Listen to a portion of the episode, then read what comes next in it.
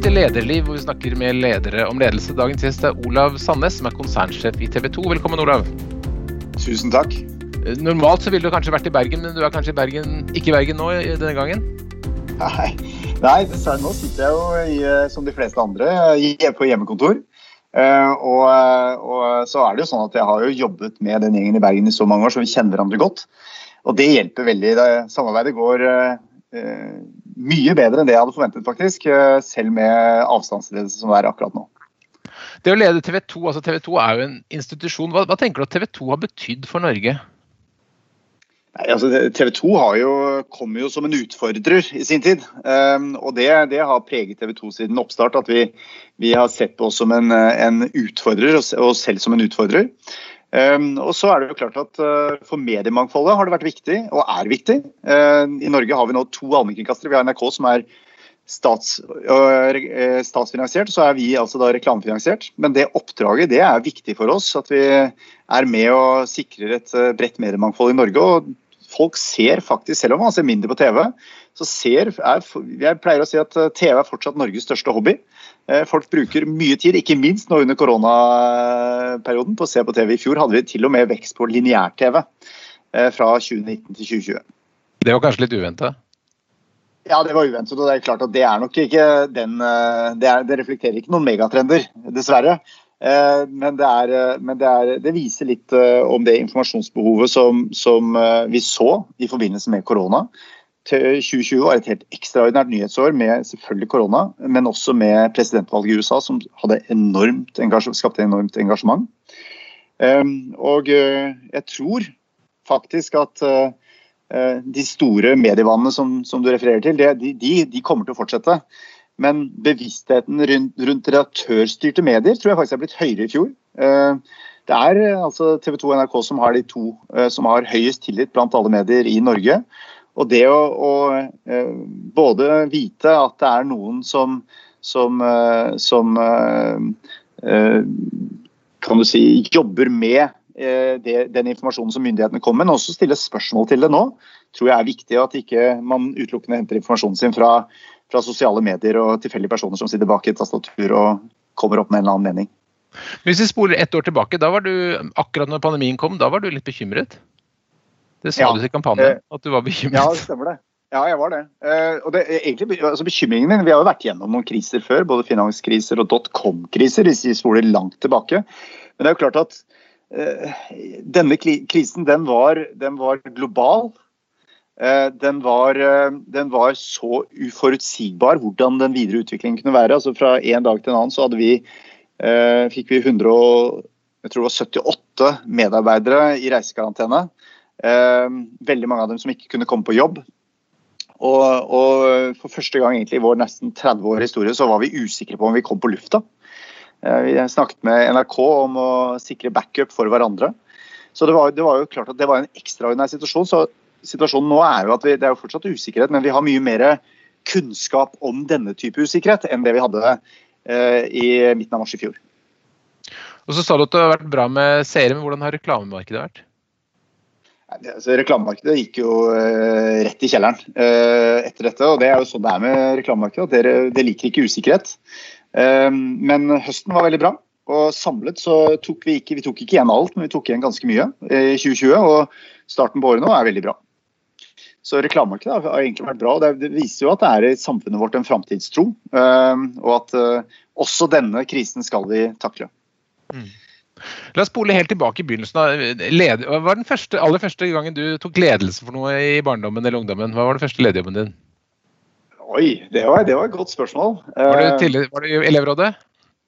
Jeg var i elevrådet, men jeg var ikke elevrådsleder. Ehm, og det er vel ikke sånn at jeg jeg har sett på meg som en, en, eh, naturlig leder, eller hatt et sånn sterkt ønske om å være leder. Jeg har, jeg har eh, jeg, tror jeg, jeg, jeg, nok, var, jeg, var, interessert i å være nære beslutninger. Um, og jeg var interessert i å ha flinke folk og spennende folk rundt meg. Det er vel, og da, da kommer man på et vis inn i ledelse. Ehm, men jeg har aldri sett på meg som et sånt naturlig lederemne. Ehm, og, og har jo i løpet av den tiden jeg har vært leder også, erfart at det er noe man må jobbe med. Det er ikke noe som kommer naturlig til deg, nødvendigvis. Og, og, men mitt første minne, det er jeg usikker på. Det er jeg ikke helt sikker på om jeg klarer å svare på. Men hvordan tenker du at du, altså, Da du kom til TV 2 da, i 2015, det burde du klare å huske. for Da kom du fra, da kom du fra, da kom du fra Egmont. Eh, Egmont. Og hva, hva, var din oppgave da? Hva var det du fikk som rolle? Hva var det styret ba deg gjøre? Jeg kjente jo virksomheten eh, noe, for jeg hadde sittet i styret i Egmont eh, jeg i TV 2 noen år eh, tidligere. Um, og og jeg kom jo dit uh, til en virksomhet som, som uh, har en helt fantastisk kultur. Masse flinke mennesker. Jeg, jeg, tror jeg kan si at jeg aldri har opplevd en virksomhet der folk blør for drakta som de gjør i TV 2. Det, det er jo sånn at man, man, man, tar med seg jobben nesten i alle sammenhenger. Uh, selv opplevde jeg ganske hurtig da at liksom er på en middag på kvelden, så kan jeg nesten sette klokka etter noen begynner å nevne et eller annet om om programmer eller ting, eller at de ikke ser på TV, og så plutselig har de sett alle programmene likevel osv. Så, videre. så Så det, det, blir veldig fort en del av deg. og Oppdraget for min del var jo å sikre uh, det Egmont er, og det er langsiktighet. Sikre at vi er uh, in good shape, uh, både på kort sikt, men også at vi disponerer sånn at vi på lengre sikt er i stand til å levere på et viktig samfunnsoppdrag og holde en, en sunn virksomhet. En sunn virksomhet for meg det er jo også en virksomhet som er lønnsom. Eh, hvis vi driver og kaver i, i vannskorpa, og, eh, så har vi ikke muskel til å gripe muligheter, og heller ikke muskel til å ta en ekstra utfordring. Men, men hvis vi har en sunn lønnsomhet til enhver tid, og disponerer sånn at vi også kan ha det framover, så er det et veldig veldig viktig grunnlag for å kunne ha og levere på det samfunnsoppdraget. Og I TV 2 så snakker vi mye om det vi lever for, og det vi lever av. Og Det å ha lønnsomhet det er jo det vi lever av. Vi må finansiere journalistikken og programmene og ambisjonene våre. Eh, og Det var, det var kan du si, min viktigste oppgave, og der jeg kunne tilføre verdi mest i starten. Eh, og så stilte jeg jo egentlig med blanke ark som redaktør. Eh, du introduserte meg som konsernsjef, men jeg er jo sjefredaktør i TV 2. Og for meg var det en, en stor overgang. Eh, som, eh, som, jeg selvfølgelig gikk inn i med, med mye ydmykhet. Og vel vitende om at det var veldig mange flinke mennesker i TV 2 som hadde, hadde eh, jobbet som redaktører i mange år, som jeg kunne spare med. Men, eh, men eh, noe av det jeg gjorde, er det jeg ofte gjør i mitt eget lederskap selv. Og det er jo å pakke meg selv inn og pakke, passe på at de rundt meg pakker seg inn. Og, og med å pakke seg inn, så, så, så, mener jeg egentlig å ta et litt sånn hardt blikk i speilet og se på ok, hvor, hvor, jeg, hvor har jeg mine styrker, men også hvor er det jeg må eh, sikre at det er andre rundt meg som, som, dekker meg. Og for meg, da jeg kom til TV 2, så var det akkurat på dette på redaktørområdet. Hadde du en veldig sånn klar tanke om at sånn skal jeg være som TV 2-leder? Eh, jeg da jeg kom til TV 2, så, så, visste jeg at de hadde en tradisjon for ganske sterke ledere. Ehm, begge de to forgjengerne mine, som var der i ca. 7-8 år hver, var jo over 60 år da de begynte.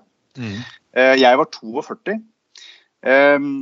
Så, så, jeg kjente jo litt på det. Samtidig så vet jeg at jeg er en annen type leder. Og må være meg sjæl også. Så, så det å Eh, jeg tror nok at mitt lederskap er, eh, er mer inkluderende og, og, mer relasjonsorientert. Og kanskje ikke like uh, uh, autoritært, og i hvert fall ikke og, og, og Hvis jeg sammenligner meg med Kåre Valbrok, som han var jo en visjonær, virkelig. Mm. Uh, så, så, så, er det jo klart at man, man, man, kommer inn med sine egne styrker og svakheter. Og det jeg var ganske bevisst på det, var jo at jeg måtte skape relasjoner til de rundt meg. Og, og bygge et uh, godt team rundt, rundt, TV 2 som skulle være med å ta neste etappen. Brukte dere mye tid på å se altså en, Dere er en bransje med, som har hatt utrolig store utfordringer. Hvordan jobber dere liksom med å se scenarioer og retninger og muligheter, hva som, hva som ventet dere? Og hva som i og for seg venter dere videre? Vi er egentlig ekstremt opptatt av å se hva som skjer rundt oss, hva som skjer i andre markeder. Eh, følge med på de forskjellige aktørene. Eh, vi, vi er jo selvfølgelig så, så, har vi en, en uh, naturlig søken, og det kommer helt fra starten av TV 2, etter muligheter. Altså, vi var en gründervirksomhet som startet opp. Og, så, og, så, er vi ikke en gründervirksomhet nå lenger, men det å holde den delen av kulturen der alle er ute etter muligheter, det er viktig. Og ute etter å spotte muligheter, det er viktig.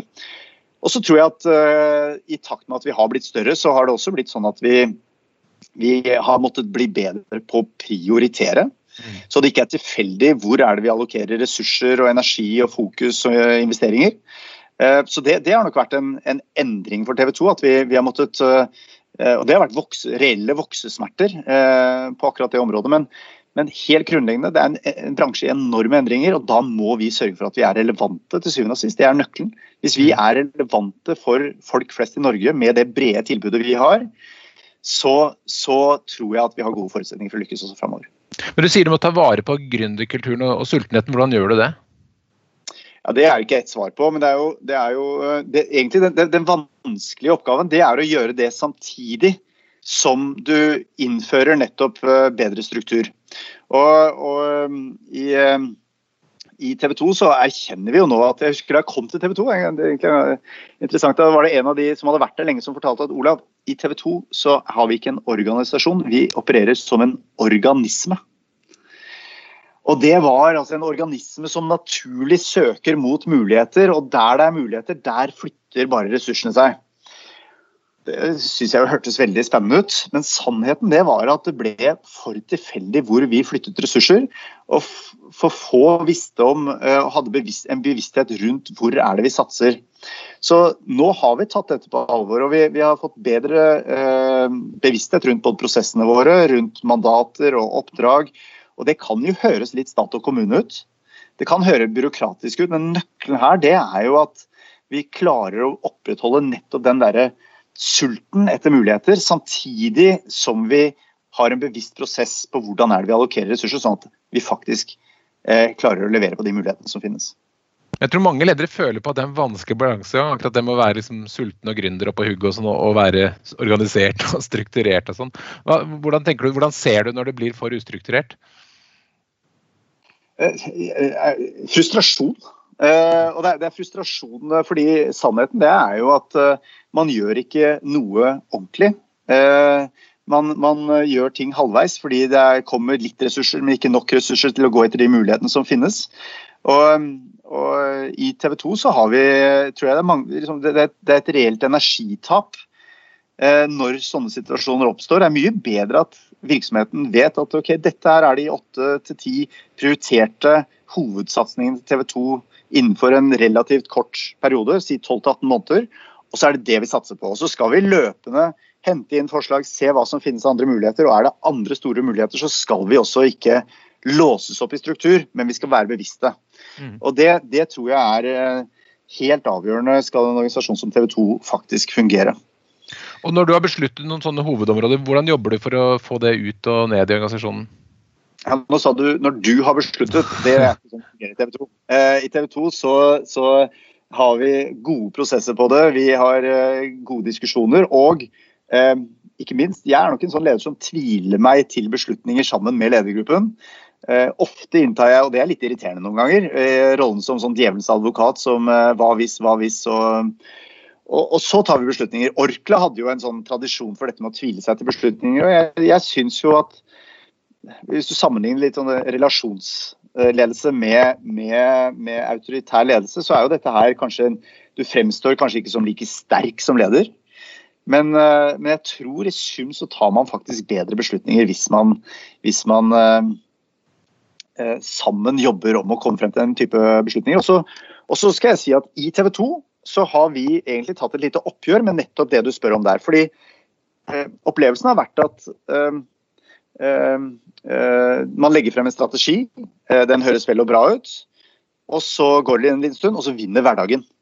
Og så blir avstanden mellom hverdagen og det som er sagt som retning og strategi og hovedfokus for en virksomhet, den, den blir for stor, den avstanden. Det bare øker og øker. ja. Og den øker og øker. Og, og powerpointene kan være så flotte som de bare vil. Men, men hvis du ikke tar den, den oversettelsesoppgaven på alvor, Eh, eh, og jobber strukturert med nettopp det, så, så, så, så, tror jeg du feiler. Og det vi, som jeg var innom i sted, det er jo at vi, vi, vi har i forlengelse av det så har vi altså definert Vi har en strategi, så definerer vi et utvalg med hovedsatsinger som er ganske konkrete, og som er tilgjengelig tilgjengelige for alle som jobber i TV 2. Alle vet om dem. Og så reviderer vi det løpende. Både se litt på hvordan vi kan fjerne hindringer for å få framdrift, men ikke minst også se er det de riktige satsingene. Er det andre som skal inn, er det noe som skal ut, er det noe vi klarer å levere hurtigere på enn planlagt? Uh, og er det noe som sklir? Dessverre er det ofte litt for mye av det siste og litt for lite av det første. Men, men det, det, å, det, å, det, å, holde det og være tydelig med organisasjonen på at det er dette som er nå hovedprioritetene dere. Og de her, Vi skal gjøre mye annet også, men det er dette som er det som først skal ha ressurser og fokus og investeringer i TV 2. Det tror jeg er viktig, og det, det gjør at det blir mer konkret også. Og Hvordan er det du kommuniserer for å få dette inn? Er det fredagsbrev eller allmøter, eller hvordan jobber du? Der, der, der, er nok eh, Du spurte litt sånn om oppstart eh, i ledergjerning. Så er jo det et av de områdene jeg kanskje har erkjent at jeg måtte ta et oppgjør med meg selv. Jeg har, jeg har nok vært mye mer sånn saksorientert. og Så skal vi finne ut hva vi skal gjøre for noe. Og så får lederne på en måte ta det ned i organisasjonen. Eh, og så, og så har nok eh, jeg forstått, med, etter eh, både vennlige, men ganske tydelige tilbakemeldinger også fra mine ledere i ledergruppen, erkjent at jeg må være mye mer ute, formidle. Det startet med at vi startet med å sende faste fredagshilsener. Og så kom korona, og da var det bare opp på skjermen. Og det har vært sånn at vi da har hatt Eh, fredagshilsener sånn ca. hver 14. dag, hvor vi går gjennom hele virksomheten. Eh, vi tar spørsmål, eh, vi går gjennom strategi, og egentlig har en mye mer løpende nærhet til organisasjonen. og Det tror jeg er veldig veldig viktig. Det er jo behagelig å sitte på et stort kontor. Nå har ikke jeg kontor, men jeg hadde det en gang i tiden. men, men lederjobben handler i veldig høy grad om kommunikasjon. Og ikke kun ta beslutningene, det det å være med å ta beslutningene, og de riktige beslutningene, men å faktisk evne å kommunisere dette på en god måte og si det så mange ganger at du blir lei av deg sjøl. Hva er de viktigste kampene dere har akkurat nå i årene fremover? Altså, helt grunnleggende så, så, står jo TV 2 i kampen om folks tid. Uh, I dag så bruker en gjennomsnittsnordmann uh, rett under 40 minutter på TV 2 hver dag. Eh, og Det er jo da summen av både eh, TV 2s lineærkanaler, eh, strømmetjenester og tv2.no. Og, så er jo eh, utfordringen vår, Vår store utfordring er jo at det som faller, lineær-TV, der har vi veldig høy markedsandel. Mens der det som vokser, både strømming, men også eh, online media generelt, der har vi en relativt sett mye mindre markedsandel. Er derfor er det ganske krevende å kjempe for å opprettholde tid brukt på oss. Og Nøkkelen her det er jo todelt. Det første det handler om eh, innholdet vårt. Uh, til syvende og sist så må vi sikre at vi, vi, er gode på alle våre innholdsområder. og der, der mange nå finner sin greie eller nisje, så er jo vi, vi er brede. Det er det som er vårt, vårt tilbud. Um, og, og, for innholdet vårt så sier vi at altså, på et eller annet vis så må det engasjere. Og det ordet 'engasjere' er helt avgjørende for, for TV 2. Det kan være både å provosere og glede og eh, skape tilhørighet, men det må på et eller annet vis være noe du ikke er likegyldig til.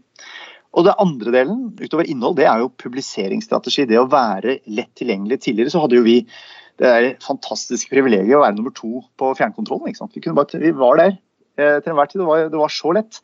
Nå må folk i høyere grad finne oss, og vi må være tilgjengelig på så mange flere flater enn det vi var tidligere, ikke minst på, på mobiltelefonen, som jo er blitt veldig, veldig viktig her. Og så, Da dere kom, så var det, det liksom, reklamekanal. Det, det, men nå, nå, dreier jo verden seg veldig mye mer mot abonnement og betaling. Altså, hvordan er den langsiktige trenden? Ser du for deg at dere både har et, et abonnementstilbud og et reklametilbud? Kommer man til å få reklame i det man betaler abonnement for? Altså, hvordan, hvordan går inntektsstrømmene? Ja, altså vi, vi har jo Eh, hvis vi sammenligner med oss avis, så har jo vi eh, vært gjennom den samme reisen der vi har eh, vært nesten utelukkende reklamefinansiert. Og så har vi bygget brukerinntekter. Og, og, med brukerinntekter så er det både direkte brukerinntekter og de indirekte brukerinntektene som vi får fra, via distributører. Um, og, og, så har vi vært heldigere enn det avisene har vært. For avisene har jo opplevd et enormt dropp i reklameomsetning. For oss har veksten flatet ut, og, eh, og, det har vært noen mindre fall, men det har ikke vært dramatiske fall i reklameomsetning for oss. Samtidig så har vi sett noe annet som ikke avisene har opplevd, og det er jo en enorm økning i kostnader på innholdet vårt. Og da særlig på sport og sportsrettigheter, som, som har gått rett i taket. Så det er jo både gode og dårlige nyheter. Ehm, men, men det, det, det, det, helt grunnleggende det er jo at vi må sørge for at vi er relevante med innholdet vårt og tilgjengelige med innholdet vårt. Og så må vi jobbe knallhardt for å sikre at vi klarer å finansiere journalistikken og ambisjonene fremover også. Men det at vi har fått så utrolig mange utenlandske valg og, og flotte filmkanaler osv., hva, hva har det å si for eh, programinnholdet i TV 2? Hvordan må dere tenke da? Ja, jeg vet ikke om du husker dette, du er jo gammel nok til det. så Tidligere så kalte vi TV 2 for eh, eh, Norges seriemestere. Mm -hmm. eh, fordi vi hadde så veldig mange serier, gode serier. Vi hadde eh, Ally McBeal og Friends og eh, alle disse her og Baywatch og alt sammen. Og, NYPD Blue, ikke minst. Ja. NYPD Blue, det, jo, det, vekker jo varme minner fra alle oss uh, i vår generasjon. Men, men, sannheten er jo at veldig mye av den type innhold det får du nå rett inn i stua via uh, globale satsinger fra Disney, Paramount, Netflix, HBO etc. etc. Så, så det det betyr, er jo at vi må fokusere veldig på der vi er sterke på det norske innholdet, det å være tett på eh, folk flest, på norsk folk og samfunn, er helt avgjørende for oss. Der kommer ikke HBO og Netflix til å være like gode. Det kan godt hende de har en og annen dramaserie, men, men det samlede tilbudet vi kan levere der, sammen med NRK f.eks., det, er, det er ganske unikt. og der, der, må vi bygge vår styrke. og Så skal vi være gode nok på internasjonalt innhold, men det er ikke der vi kommer til å kalle det, differensiere oss fremover. Så konkurransen har gjort TV 2 norskere? Ja, det er ingen tvil om. Vi har flyttet eh, programbudsjettet, vi har økt eh, nyhetsinvesteringene våre. Eh, og det handler om å gjøre Og ikke minst, hvis du ser på sport nå, så, så går vi altså da, og det er høyst ufrivillig, vel å merke, vekk fra Premier League, som vi har hatt som vår store bærebjelke. Og, og så har vi i lys av det egentlig gjort en stor satsing, og det er ikke ufrivillig, det er en veldig bevisst satsing på norsk idrett. Eh, både eh, norsk fotball, ishockey, håndball, volleyball, basketball, innebandy har vi kjøpt rettigheter til. Eh, og ikke bare på toppnivå, men også på lavere nivåer. Fordi medieøkonomien nå er i sterk endring, og, og, nye digitale muligheter er tilgjengelig for folk, som gjør at du kan se ikke bare toppkampene, men også er du fra Halden, så kan du følge med på Kvikk-Halden også. Hva tenker du kommer til å bli de store forandringene hvis vi ser liksom fem år fremover? Jeg, jeg, jeg, tror nok at uh, de endringene vi har sett de siste årene, bare kommer til å fortsette. Uh, jeg tror ikke Famous last words. Jeg ser ikke fullstendig nye eh, disruptive utviklinger som, som, kommer til å treffe oss. Men, men det er jo klart at det er jo i det øyeblikket man ikke er årvåken og, og følger med, så, så, gjør man ikke jobben sin. Så vi, vi er jo lett paranoide og forsøker å forstå hva er det som kommer til å skje. Men jeg, jeg, tror nok i første rekke at det er den fortsatte digitaliseringen. Mer strømming. Jeg tror, jeg tror vi kommer til å få større konkurranse på, på vårt marked i årene framover. Ikke bare fra det globale, men fra flere norske også. Um, og, og, så er vår jobb å sikre at vi er relevante. all den tid vi er relevante, så tror jeg vi en god, går en god framtid i møte.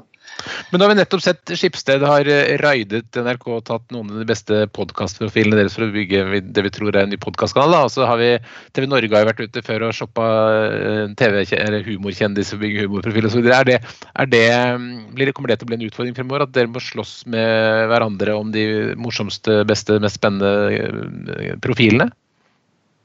Ja, det er det. Og så er det klart at Særlig i forbindelse med nysatsinger, så er det sånn som Skipsted har nå, som Discovery hadde i sin tid, så, så er det klart at da, da, er det store rykk og mange profiler som kjøpes ut, nesten. Eh, det som er viktig, det er jo å skape gode miljøer. Eh, skape eh, lojalitet ikke bare i form av penger, men i form av gode miljøer som folk trives i. Og Det, det syns jeg TV 2 har vært gode på. og så tror jeg at vi vi og, eh, må, må, være rause eh, med talentene våre. Eh, vite at de skal kunne gjøre ikke bare TV, men scene, som de ofte er opptatt av, og andre, andre typer innhold. Det, det, det sier jo litt om liksom, det moderne arbeidslivet. Da, at Tidligere så kjøpte man liksom, nesten folk med hud og hår, og så forventer man at det var lojalitet. sånn er det ikke lenger. jeg tror veldig mange av de som jobber i TV 2, de jobber i TV 2 fordi de, fordi de føler at de er med på noe som er viktig. det jeg snakket om, det vi lever for. Mm. samfunnsoppdraget vårt. Jeg, husker en, en historie som, som, ikke handler så mye om talentet, men som handler om uh, mer vanlige folk. Uh, det var en av selgerne i TV 2 som etter at vi hadde nettopp gått gjennom det, gått gjennom vårt samfunnsoppdrag. Hvorfor er TV 2, og hvilket oppdrag har vi i samfunnet som den fjerde statsmakt som ser makt i kortene. Så, så, så kom hun til meg og sa hun, vet du hva, jeg vokste opp og søsteren min har vært lege, sa hun. Og Hjemme i vår familie så har det alltid vært sånn at det er hun som liksom har gjort de viktige tingene, og jeg har bare liksom holdt på med tulleting. Men for første gang så opplever jeg at, at jeg også er med på noe viktig. Og det, akkurat det, det å, å, å, være med på noe som betyr noe mer enn for en selv, det tror jeg er veldig viktig i dagens eh, arbeidsliv og, og samfunn. Og, eh, og, jeg tror det å Apropos kommunikasjon, så er dette her helt avgjørende. Det forteller hvorfor er vi. Eh, vi er ikke en pølsefabrikk, eller, og det, pølsefabrikk er også en, en samfunnsfunksjon.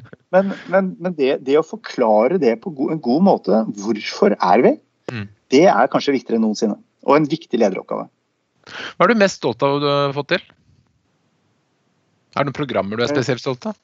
Nei, jeg tror, jeg tror, vet du hva? Jeg syns det hadde blitt helt feil hvis jeg skulle ta æren for enkeltprogrammer. Ehm, eh, det, er jo klart at jeg, er stolt når vi, har, når vi klarer å kombinere sjangere.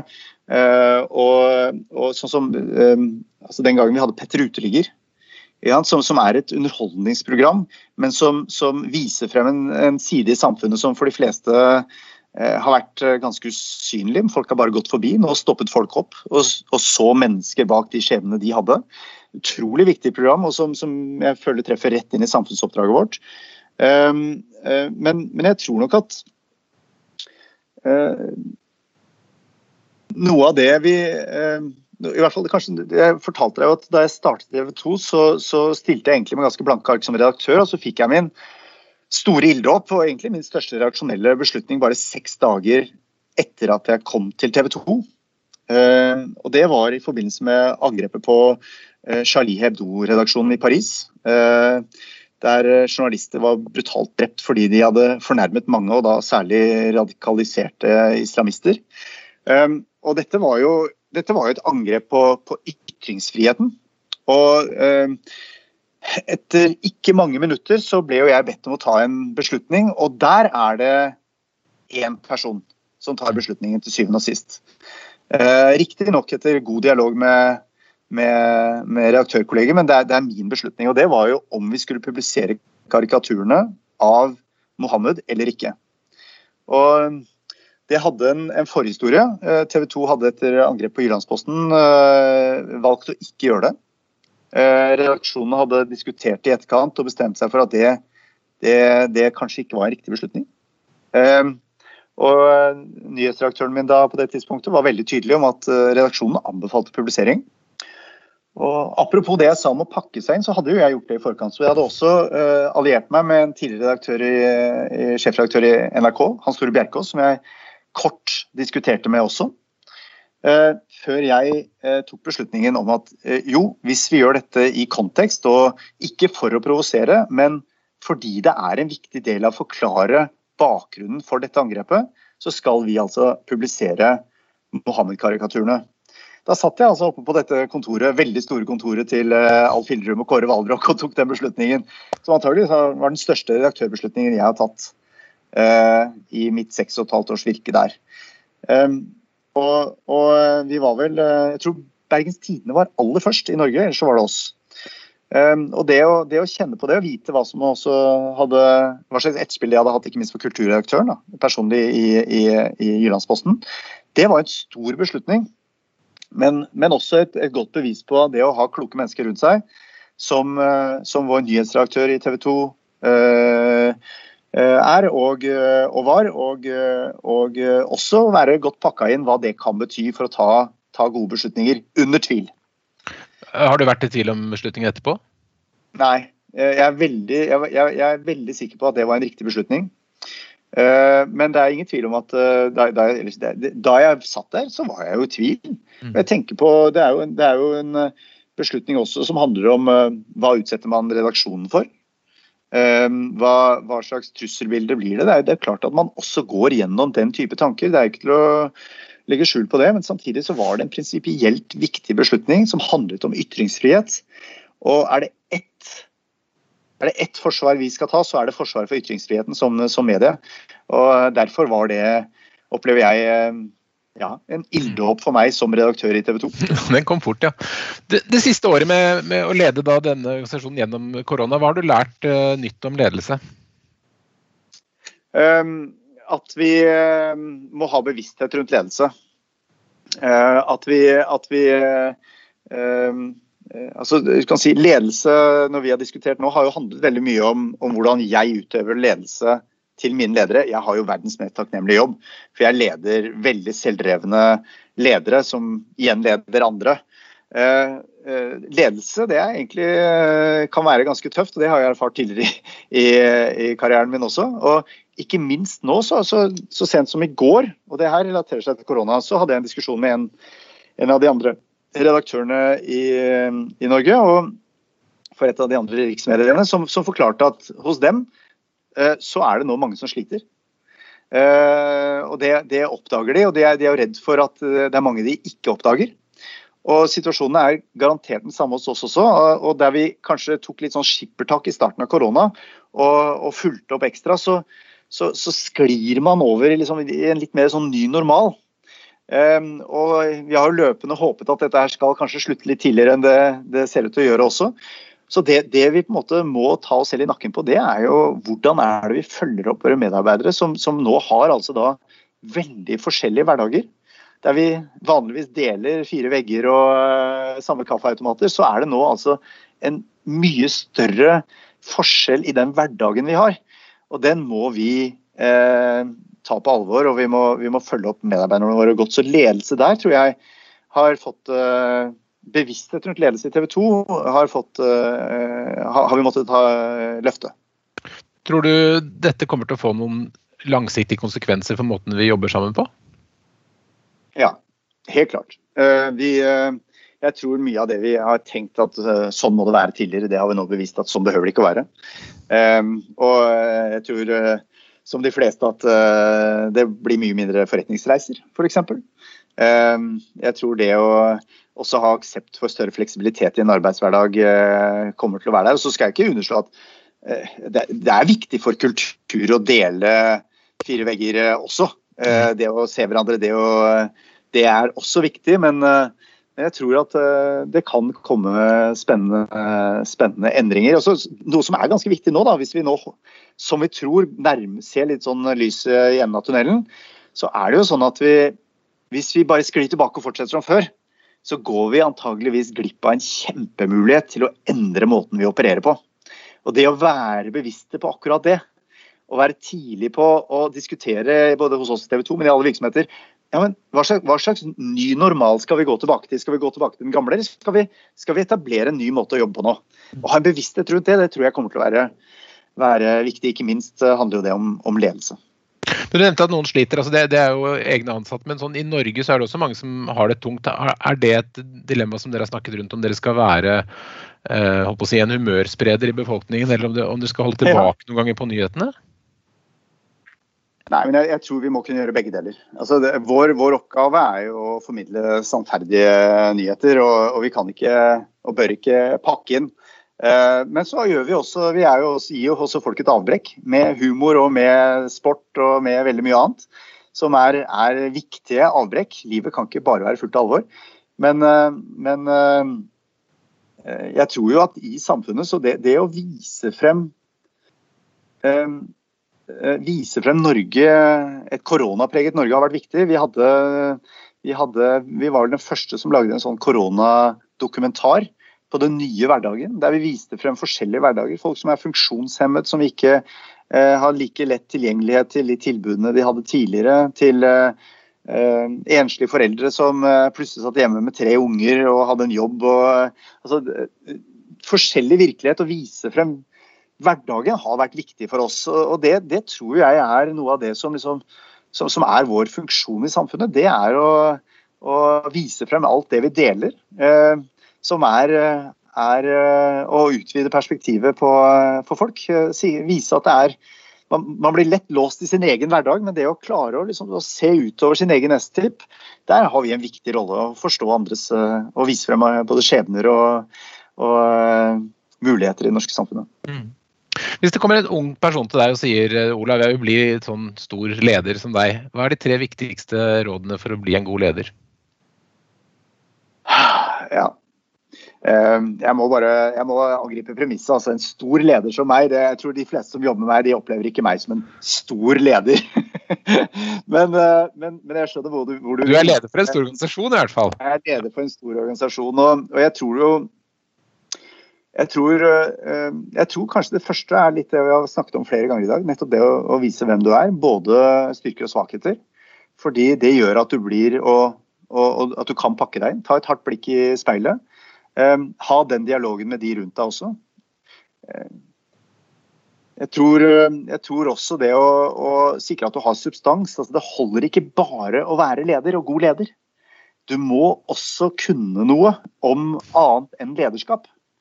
Det å kunne noe om industrien sin eller bransjen sin. Eh, og, så, og det, det, det, er også veldig viktig. Så det, det drivet til bare å være leder er jeg ikke helt sikker på om er sunt. Jeg tror veldig på at du må, du må være sulten og nysgjerrig på ny, ny, kunnskap. Og til sist så vil jeg jo si at det, det viktigste hvis du skal ha et godt liv som leder, det er kanskje ikke til den unge personen du beskrev, men, men etter hvert for ledere, det er jo å finne riktige folk. Pakke deg inn, finne riktige folk. Lederoppgaven min er mye lettere enn eh, lederoppgaven til de som kanskje ikke har satt sammen sitt eget eh, lederteam. Så det, det er jo det å, å, å, bruke den første perioden til å sette sammen det teamet som gjør at du kan levere på det som er riktig for virksomheten. Eh, sammen med det teamet, det er, det er en veldig viktig jobb å gjøre. Og når du bygger et sånt team, hvilke egenskaper er det du ser etter? Uh, jeg ser etter uh, Altså helt grunnleggende så, så, er det viktig å ville hverandre vel. Du sa vi bygger et team. Uh, da jeg kom til TV 2, og det var jo det, det, var kanskje litt spesiell startuttalelse, så sa jeg at Og det var det mange som bet seg merke Jeg sa mye, men jeg sa også i TV 2 er det ikke plass til drittsekker. En ganske banal uttalelse. Men til syvende og sist så kan du være så flink du bare vil. Men hvis du ikke vil andre vel, hvis du er selvhevdende um, og, og, du bare mener at det er din løsning som er riktig, ja, da tenker jeg at, uh, at du ikke er et god, godt element i et team. Så, så, og det var ikke for all del, det var ikke et, eh, en riktig betegnelse av TV 2 at det var fullt av drittsekker. Det var utrolig mange flinke mennesker. Men, men i virksomheter som TV 2 så er det også rom for å bygge egoer. Um, og det tror jeg det er i alle virksomheter. Og det å sikre at, at du bygger team, bygger uh, nødvendig ydmykhet for, for, uh, for egne svakheter også. Eh, ikke bare bevissthet om egne styrker, det tror jeg er, er veldig viktig. Jeg kommer, litt, kommer, tilbake til dette flere ganger i dag, og jeg tenker at det er, det er noe av det kanskje viktigste jeg tar med meg. Det var så bra den egenskapen, så jeg tror ikke vi spør om flere. Vi la, la det bli avslutningen. Eh, Olav Sandnes, tusen takk for at du kom til Lederliv. Takk skal du ha. Veldig hyggelig. Lederliv er en podkast fra kommunikasjonsbyrået Apeland. Vi legger ut nye episoder hver fredag. Redaksjonen består av Ellen Paulsen, Lars Jarle Melum, Lars Volden og meg, som heter Ole Kristian Apland. Send e-post til tipsatlederliv.no, eller rett til meg på oleatapeland.no. Takk skal du ha.